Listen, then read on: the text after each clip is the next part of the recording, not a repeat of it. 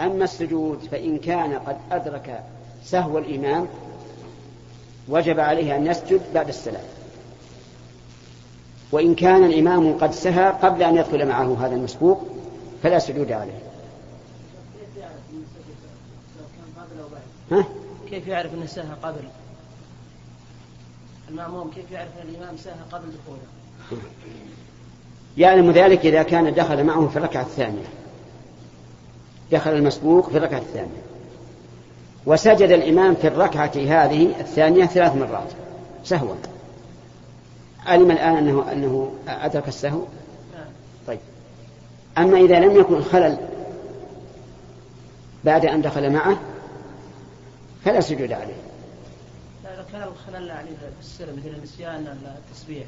سبحان ربي العظيم. النسيان التسبيح يكون السجود قبل السلام.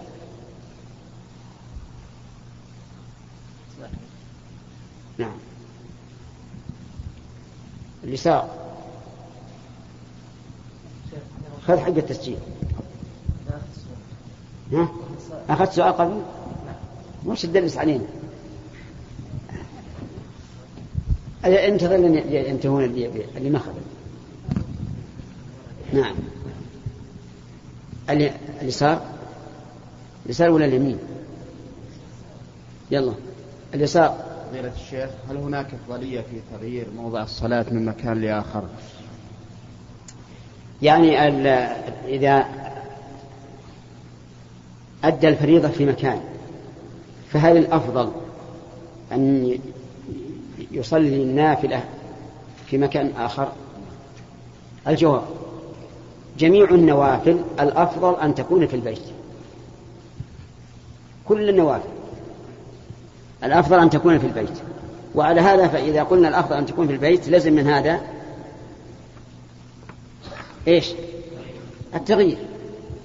لكن إذا كان الإنسان يخشى إذا ذهب إلى البيت أن ينسى أو يحدث ويشق عليه أن يتوضأ أو ما أشبه ذلك يصلي في المسجد. قال العلماء الأفضل أن يغير المكان إذا أمكن. واستدلوا بحديث معاوية رضي الله عنه أن النبي أن قال أمرنا رسول الله صلى الله عليه وسلم ألا نصل صلاة بصلاة حتى نخرج أو نتكلم. وذلك ليكون هناك تمييز بين الفريضة والنافلة. ولهذا والله أعلم شرع للإنسان إذا قرأ الفاتحة جهرا أن يسكت قليلا حتى يتبين أن القراءة الأولى فرض والثانية نفل. نعم. شيخ. فهمت الآن زي ولا لا؟ فهمت أيها السائل؟ طيب. صلى الله عليك يا شيخ. قال بعض العلماء من ترك النوافل رغبة عنها وزهدا فيها فهو فاسق واستدل بقوله صلى الله عليه وسلم من رغب عن سنتي فليس مني. نعم. هذا غير صحيح. الصواب أن ترك النوافل مما أباحه الله عز وجل.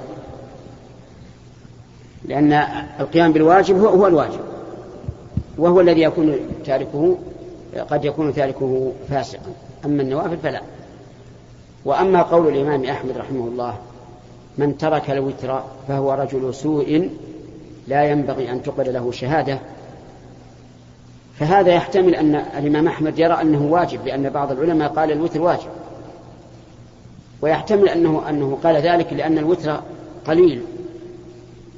والعلماء مختلفون في وجوبه. فكونه يتهاون بهذا الشيء القليل مع اختلاف العلماء في وجوبه دليل على أنه رجل سوء. فلا ينبغي أن تقبل له شهادة. نعم. فضيلة الشيخ حديث النبي صلى الله عليه وسلم الذي رواه ابن ماجه. الماء طهور لا ينجسه شيء إلا ما غلب على ريحه وطعمه لونه نعم. حكم الحديث شيخ من ناحية التصحيح والتضعيف؟ له ضعيف ترتيب العلماء الشيخ عليه. عندما رتبوا عليه بعض القواعد اسمع بارك الله فيك. هو حديث صحيح هو حديث ضعيف من حيث السند. لكنه صحيح من حيث المعنى. فالماء طهور. كل ماء نزل من السماء فهو طهور. كما قال عز وجل وأنزلنا من السماء ماء طهورا كل ماء نبع من الأرض فهو طهور. لأن الماء النابع من الأرض هو الماء النازل من السماء. كما قال الله تعالى إن عن المطر إنه سلكه ينابيع في الأرض. فإذا كان الأصل في المياه النازلة من السماء أو النابعة من الأرض الطهارة فإنه لا يمكن أن تنتقل عن هذا الأصل إلا بما يغيرها. فإذا تغيرت بالنجاسة صارت نجسة. فالحديث سنده ضعيف ومعناه صحيح. وهذا يعني يؤدي إلى قاعدة أحب أن تفهموها. أحيانا يكون السند صحيحا والمتن ضعيف منكر. فلا يجوز أن نعتمد على ظاهر السند. ومن ثم قال أهل العلم في الصحيح إنه ما رواه عدل تام الضبط بسند متصل هذه ثلاثة. هذه ثلاثة كلها تتعلق بالسند إما بالرجال وإما بالسلسلة. وسلم من الشذوذ وهو مخالفة الأحاديث الصحيحة والعلة القادحة. فأحيانا يكون السند ظاهره صحيح لكن المتن منكر فلا يعول عليه. نعم. فضيلة الشيخ إنسان سافر وأراد أن يجمع المغرب والعشاء ولكن عندما دخل مع الجماعة في صلاة العشاء, في صلاة العشاء آه، نسي وأتم الصلاة أربع ركعات. على أنها؟ على أنها صلاة العشاء هو دخل على أنه إذا قام إلى الركعة الثالثة سيجلس. دخل بنية المغرب. أي نعم. وبقي على نيته. أي نعم. وسهى فقام مع إمامه. نعم فصلى أربعة. فصلى أربعا يسجد للسهو. إن كان قد فاته شيء وإلا تحمله الإمام عنه وصلاته هذه هي المغرب. على نيته.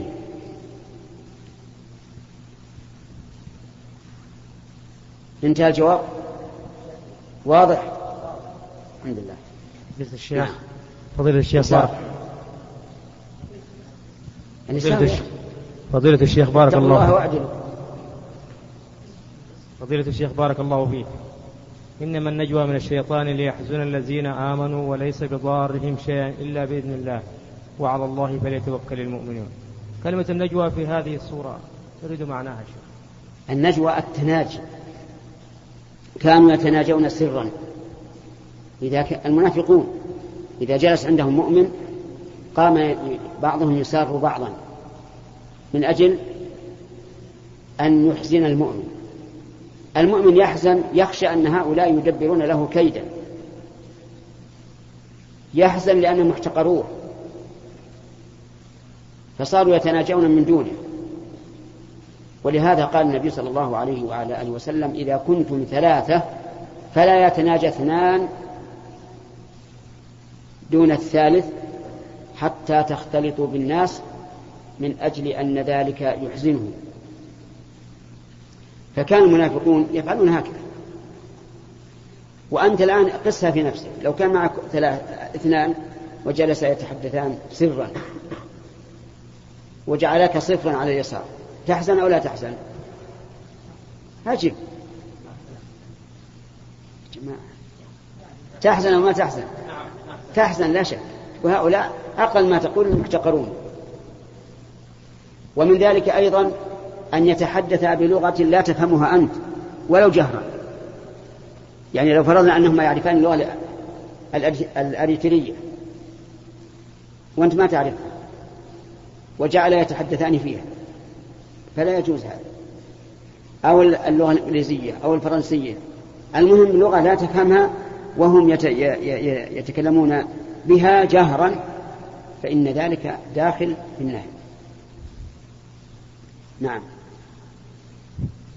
اليمين. صلى الله إليك يا شيخ. يقول كنت طالبا في أحد الجامعات وكنت أغش في اختبارات أعمال السنة حتى في السنة الأخيرة من الدراسة سنة التخرج وفي الفصل الدراسي الثاني. وقد تعينت مدرسا حسب تخصصي الدراسي في الجامعة. آه، مع علمي بأن الغش حرام ولكن لم أكن أعلم أنه يترتب عليه شيء بخصوص الراتب. وأنا الآن تائب إن شاء الله فماذا أعمل؟ طيب الاختبار النهائي فيه غش ولا لا؟ آخر اختبار. السؤال مكتوب لي يا شيخ ما ها؟ في أعمال السنة اللي مكتوب لي يا شيخ. خلي أعمال السنة انتهينا منها. آخر سنة آخر اختبار. مكتوب لي كتاب يا شيخ. ها؟ سؤال من شخص كاتبه لي. ها؟ بالنيابة يا شيخ.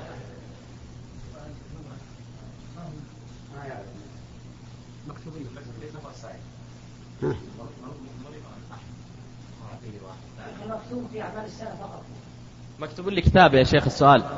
في أعمال السنة فقط. يعني- يعني قبل أن يوزع؟ مكتوب لي قبل أن يوزع؟ لا يقول السؤال. يقول سؤال والآن مكتوب له. وهل كتب له يسأل. ها؟ وهل كتب له سؤال؟ يعني سؤال الذي يسأل. الغش موجود عندنا. نعم. الذي غش في الامتحان غير موجود.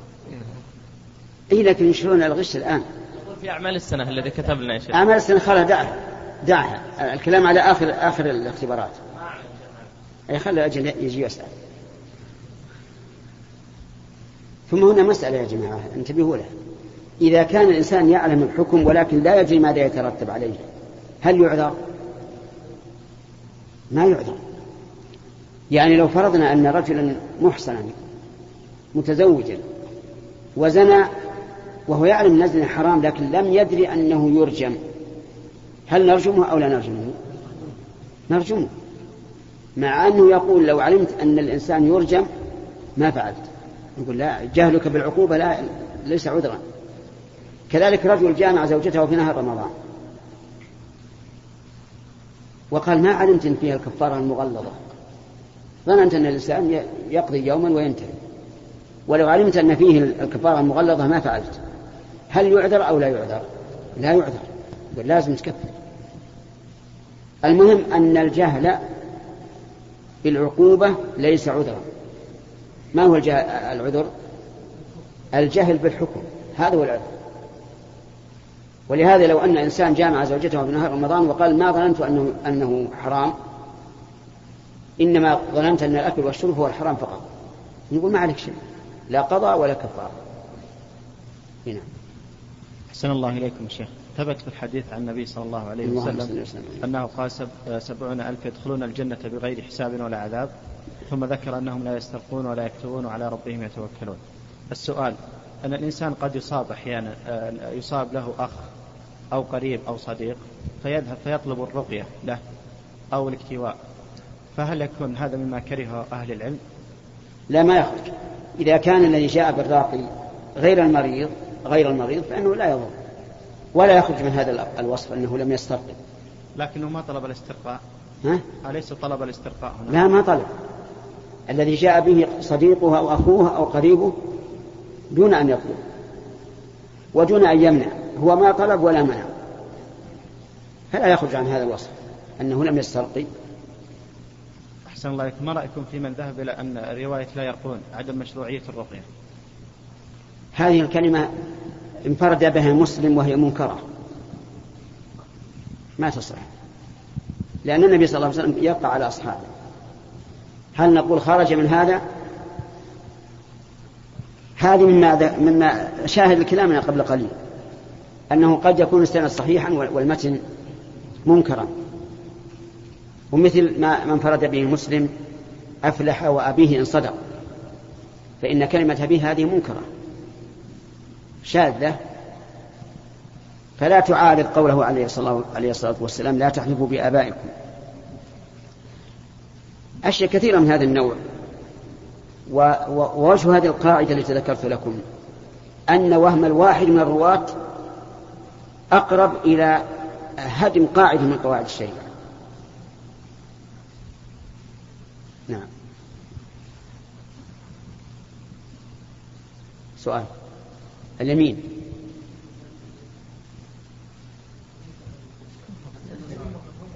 انتهى؟ تكلم يا رجال ال- ال- ال- الضيوف كلهم لهم حق. لا يرجع ال- ال- اللي سأل مرة ثانية. لأن وعدنا. خذ خذ حق التسجيل. بسم الله. شيخ حفظك الله. بالنسبة لتداخل العبادات بالنسبة. تداخل العبادات كسنة العشاء والاستخارة مثلا أو صيام آه، اثنين وخميس مع شوال فستة أيام شوال. فكيف ندخل النية؟ وما هي الأشياء الضابطة يا شيخ؟ حتى نعرف أن هذا ما يدخل مع هذا وهذا. إذا كان المقصود الفعل. تداخل. وإذا كان المقصود نفس العبادة. لم تتداخل. فمثلا قال النبي صلى الله عليه وعلى آله وسلم إذا دخل أحدكم المسجد فلا يجلس حتى يصلي ركعتين. فدخل رجل وصلى ركعتين راتبة الفجر. الآن هل جلس قبل أن يصلي ركعتين أو صلى ركعتين؟ صلى ركعتين. والمقصود أن يصلي ركعتين وحصل. تمام؟ طيب. في سنة الظهر ركعتان وركعتان قبل الصلاة. لو قال بجعل الركعتين عن عن الأربع. يجزي؟ ما يجزي لأنه مقصود فعل نفس الأربع. صلاة الاستخارة. اختلف العلماء رحمهم الله في قوله صلى الله عليه وعلى آله وسلم فليصلي ركعتين من غير الفريضة. هل لو صلى الراتبة واستخار بعدها يحصل له المقصود؟ أو لا بد أن يكون الاستخارة صلاة مستقلة. من قال إن, إن قوله من غير الفريضة يشمل النوافل كلها حتى الرواتب وحتى تحية المسجد حتى سنة الوضوء. قال يكثر استخر بعد الراتبة ما في ما في مانع. ومن قال إن هذا من النبي صلى الله عليه وعلى آله وسلم يدل على أنه لا بد أن يكون الاستخارة الصلاة مستقلة. وهذا هو الأقرب عندي. قال لا يجزي إلا أن يصلي صلاة خاصة للاستخارة. نعم. أما مسألة الاثنين والخميس فالإنسان إذا صام يوم الاثنين والخميس ثلاثة أسابيع صدق عليه أنه صام ستة أيام من شوال ويحصل له أجر صيام الاثنين والخميس. لكن في ست من شوال الأفضل المتابعة أفضل من تحري الاثنين والخميس. بمعنى أنك تصوم بعد العيد مباشرة وتكمل الست كلها. صلى الله عليك معها ضيوف. طيب. صلى الله عليك مجموعة من الأشخاص يا شيخ. يضعون شهريا مبلغ من المال. 100 ريال أو 50 ريال. وبعد مضي سنة أو سنتين يشترون به سلعة معينة من أجل التكسب بعد. والمبلغ يعني المبلغ بينهم متساوي. يشترون بس سلعة معينة من أجل بيعها والاستفادة منها إما بثمن حال أو بثمن مقسط فيسأل بعض الأشخاص مثلا 10 أو 15 لو أخذها واحد منهم بالتقسيط من الأشخاص أنفسهم هل يجوز له ولا ما يجوز؟ لا يجوز هذا. يعني هم يجمعون من الراتب كل شهر 100 ريال. وإذا اجتمع عندهم جزء كبير من المال اشتروا به سلعة للتكسب. يقول هل يجوز أن يأخذها واحد منهم بزيادة فالجواب لا يجوز. لأن يعني هذا ربا صريح واضح. لكن اسأل سؤال آخر هل في هذه الدراهم زكاة أو لا؟ فالجواب فيها زكاة. لأنها إما نقد وإما عروض إذا اشتروا بها السلعة للتكسب. نعم. أصلا أفضل ما يقضى فيه الوقت في الإجازة. ها؟ أفضل ما يقضى فيه الوقت في الإجازة كان على أبواب الإجازة. أنتم على أبواب إجازة أي نعم. أفضل شيء نشر العلم والدعوة إلى الله عز وجل إذا كان عند الإنسان قدرة أو الإكباب على طلب العلم. وإلى هنا ينتهي هذا اللقاء. لأن الأذان هل ما يمكن؟ ولا نصف واحد. ولو قصر. انتهى الوقت. لكن إن شاء الله تعالى بعد الصلاة العصر تسأل. إلا إن كانت مسافر. مسافر بعد صلاة الظهر؟ العصر إن شاء الله. صلنا العصر. سبحانك اللهم وبحمدك أشهد أن لا إله إلا أنت أستغفرك وأتوب إليك.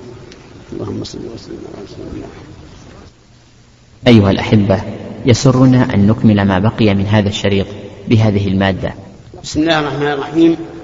سبق الكلام على أول هذا الحديث حديث ابن عمر أن النبي صلى الله عليه وعلى آله وسلم قال بني الإسلام على خمس شهادة أن لا إله إلا الله وأن محمدا عبده ورسوله. الثاني إقام الصلاة ومعنى إقام الصلاة أن يأتي بها الإنسان مستقيمة على حسب ما جاءت عن النبي صلى الله عليه وعلى آله وسلم. وقد قال عليه الصلاة والسلام صلوا كما رأيتموني أصلي. فمن لم يقم الصلاة فقد نقص ركنا من أركان الإسلام. لكن إذا تركها بالكلية فقد خرج عن ملة الإسلام إلى ملة الكفار والمشركين والعياذ بالله. إذا كان لا يصلي لا مع الجماعة ولا في بيته فهو كافر مرتد عن الإسلام. لقول الله تعالى فإن تابوا وأقاموا الصلاة وآتوا الزكاة فإخوانكم في الدين. وهذا يقتضي أنهم إذا لم يقيموا الصلاة فليسوا إخوة لنا في الدين. وثبت عن النبي صلى الله عليه وعلى آله وسلم أنه قال العهد الذي بيننا وبينهم الصلاة فمن تركها فقد كفر.